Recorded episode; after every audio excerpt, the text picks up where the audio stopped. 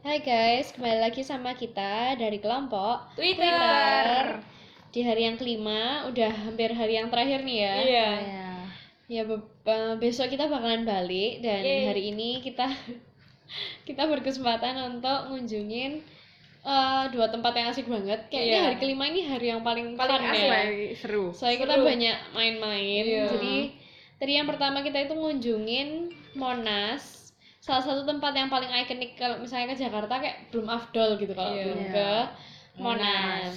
Nah, Monas sendiri ini adalah singkatan dari Monumen, Monumen Nasional. Nasional. Jadi dia itu Tugu Monumen Nasional ya kalau nggak salah. Cuma di sini tuh orang-orang lebih banyak nyebut dia itu sebagai Monas. Nah, Monas sendiri ini berdiri sejak tahun 1975. Terus tugu ini tuh eh, dibuka untuk umum yaitu waktu tanggal 12 Juli 1975. Nah, tugunya ini tuh berbentuk kayak ya cuma lurus gitu terus ada cawannya, terus di puncaknya itu ada kayak lidah api yang dilapisi lembaran emas. Nah, lembaran emas itu melambangkan semangat perjuangan yang menyala-nyala. Nah, Monumen Nasional atau Monas ini terletak di Jakarta Pusat. Nah, eh, Monas ini sendiri tadi itu kita ke sana terus dikasih kayak tour gitu sama salah satu staffnya. Jadi eh, ada bagian dari Monas tuh yang letaknya itu di bawah tanah. Nah, yang ruangan di bawah tanah itu isinya itu beberapa diorama sekitar 50 kalau nggak salah. Pokoknya ada empat sisi diorama yang menjelaskan mengenai sejarah negara Indonesia.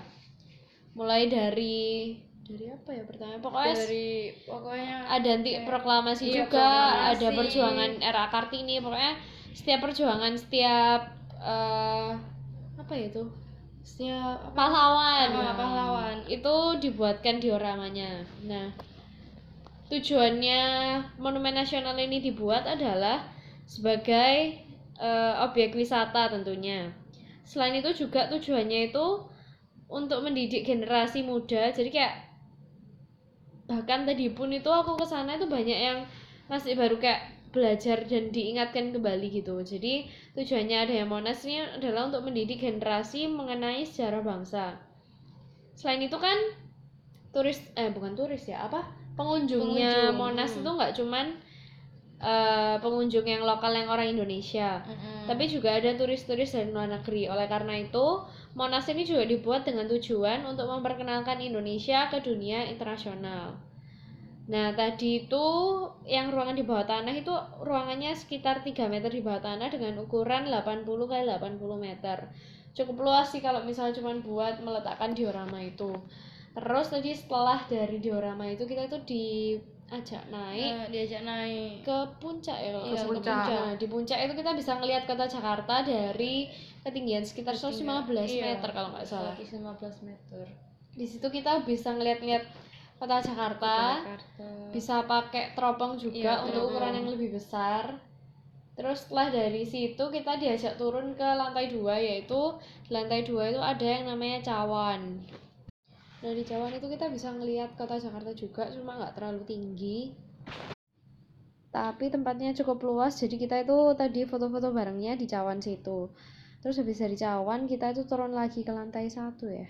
iya ke lantai satu Nah, ke lantai satu, terus di lantai satu itu kita diajak sama ibu yang bagian tour kayak tour guide. guide-nya gitu, yang me- Memandu memandu gitu. kita selama di Monas. Kita diajak ke ruang kemerdekaan, terus di sana itu kita eh sebenarnya kita itu bisa melihat gapurnya terbuka, cuma Iya, karena gapurnya cuman- dibuka setiap satu jam sekali aja, tadi kita tuh iya nggak pas waktunya, jadi Nggak waktu gapurnya udah ditutup iya dan kita sebenarnya juga bisa mendengarkan suara pembacaan teks proklamasi yang asli. Nah, di di dalam gapura itu juga sebenarnya disimpan fotokopi teks proklamasi yang diperbesar sebanyak empat kali. kali Nah, setelah dari situ kita lanjut ke Dufan. Dufan. Dufan atau dunia fantasi. dunia fantasi Jadi Dufan ini adalah sebuah wahana tempat bermain ya, Iya, kayak terbesar. hmm, ya tempat bermain yang super luas Iya, banyak wahana-wahananya Nah, jadi tadi kita sampai di Dufan jam setengah, Setengah satu, satu. ya. Heeh. Nah, terus di Dufan sampai di Dufan kita ngantri buat ngantri masuk. buat masuk, Ambil tiket. ambil tiket, terus foto-foto, Mm. eh, buat IGTV. Jadi selesai itu kita ngantri untuk masuk di wahana kursi terbang. Ah. Iren kan ini main tuh gimana gimana rasanya naik kursi terbang tuh Hmm, mengerikan sih. puter-puter Heeh. Jadi itu pertama kalinya kita main kursi terbang kursi terbang. seru guys kalian harus coba Iya, rasanya itu kayak iya terbang guys iya kursi seru. Selesai dari itu kita cari makan, terus apa ya? ya Sel? udah siang Heeh. Jadi kita makannya makan Yoshinoya. Yoshinoya makan bareng panitia dan peserta, Peserta. lainnya. Hmm, apa lagi? Terus habis makan, tadi kita nyobain wahana-wahana lainnya juga ya. Kamu Iya. nyobain apa, Steph? kita aku sama Iren masuk Rumah jahil. jahil rumah miring Iya, rumah jahil juga ada. oke terus ada Itu kita- ngapain itu? Eh, rumah jahil itu kita kayak di dalam itu diputar-putar gitu, cuy. Kayak masuk di dalam kaca. Oh, rumah kayak rumah tapi kaca Iya. gitu. Jadi kamu bingung ke mana. Mm-mm. Terus kalau rumah miring itu kita di dalam kayak rasanya pusing. iya soalnya Pokoknya kita jalan itu miring. jalannya miring Heeh. Sampai di luar pusing. pusing Nah, kalau aku sih tadi nyoba main yang pertama itu main apa, Bel? Yang kayak baling-baling ya. Turbo mini turbo atau oh ya turbo drop. Ya ampun itu padahal nggak seberapa tinggi tapi perutnya kayak geli polos pokoknya takut nggak mau main lagi. Terus tadi selama ini tuh main apa ya aku? Nggak ikut main baling-baling. Arum jarang. Enggak, enggak, enggak ikut. Apa ya yang kedua? Iya, main roller coaster. Oh my god. Jadi gimana perasaannya cewek main roller roller Kita coaster? ngantri satu jam. Hmm. Perasaan pertama kayak ngelihat ala antriannya cepat, antriannya cepat, tapi ternyata lu apa satu jam terus begitu wis sampai di tangga tinggal naik itu aku wis hampir mundur. Terus teman kita ada yang dulu. Iya, terus temanku ada yang udah ngantri satu jam dan akhirnya nggak jadi ikut karena takut jantungnya lepas. Bodoh banget. Terus habis itu akhirnya ya udah karena udah ngantri satu jam ya aku eman eman akhirnya aku tetap naik. Tapi habis naik bener-bener mual pol terus habis itu habis main itu tak pikir ya wis lah main yang enteng-enteng aja, main perahu kora-kora. Tak pikir ringan ternyata cuma itu. Perahu terus ya wis ya aku cuma main itu aja terus sisanya aku cuma nemeni yang lainnya main soalnya udah nggak berani main lagi kalian ada main yang lain Hmm, tadi kita main apa ya itu? Ice? Age. Ah iya, gimana perasaanmu Steph main Ice Age? ngantrinya panjang sih Iya panjang sampai kita dua jam ngantrinya. iya Dan lama. mainnya main ngapain Eh, kita itu di dalam perahu, Iya. terus turun sel- eh, Dari ketinggian 4 empat meter.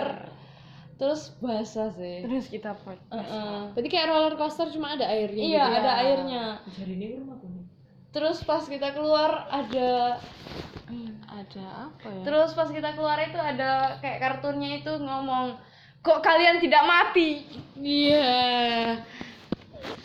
Terus ya wis kita mau eh nggak nggak sempet aku cuma main tiga wahana kalian berapa?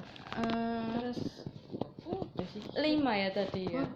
Lumayan. Iya kan rumah itu rumah jahir. Oh karena nggak terlalu ngantri ya yang rumah Iya. rumah. Iya yang aku main antri semua sih. Terus Kita waktu di Ice X itu eh di foto terus nyetak foto bareng. sudah cetak foto Heeh. ya menarik lah pokoknya soalnya Sangat wahananya menarik. banyak banget ya. Iya. Meskipun waktunya singkat, Tapi kita sehari sebenarnya nggak cukup sih rasanya kalau Iya. Dufan itu. Karena wahananya banyak banget. Terus habis dari Dufan kita langsung ke Eh, Peak, Peak Avenue. Avenue. Peak Jadi- Avenue ini mall yang terletak di Pantai Indah Kapuk. Iya Pantai Indah Kapuk. Mallnya cukup gede. Terus tadi juga di dalam mallnya juga sempat ada bazar. Iya. Terus bazar. tadi itu ada salah satu tempat yang menurutku cukup hype sih. Kalian tadi nemu apa? Hmm. Aku sih tadi nemu ada tempat makan namanya di food court namanya Shigeru. Itu tuh menariknya soalnya dia itu kayak menerapkan kayak half self service gitu. Soalnya kita kayak kayak apa ya? Kayak kantin yang yang ngambil-ngambil sendiri gitu Oh, pokoknya. Jadi ngambil kayak ada sendiri. snacksnya eh bukan snacks ya lauknya itu kayak misalnya chicken breast di tusuk terus dikasih bumbu yakiniku atau bumbu barbecue terus ada karage ada udang goreng tapi yang kayak ala ala Jepang gitu terus tempura ya? Ya tempura juga ada ada chicken katsu. Heeh. ada juga kayak Sushi. kalau kalian tahu odeng. Eh odeng bukan ya? Pokoknya yang kayak kuah-kuahan punya oh Korea. iya itu. tahu tahu. Itu tadi mereka juga ada ada sushi juga.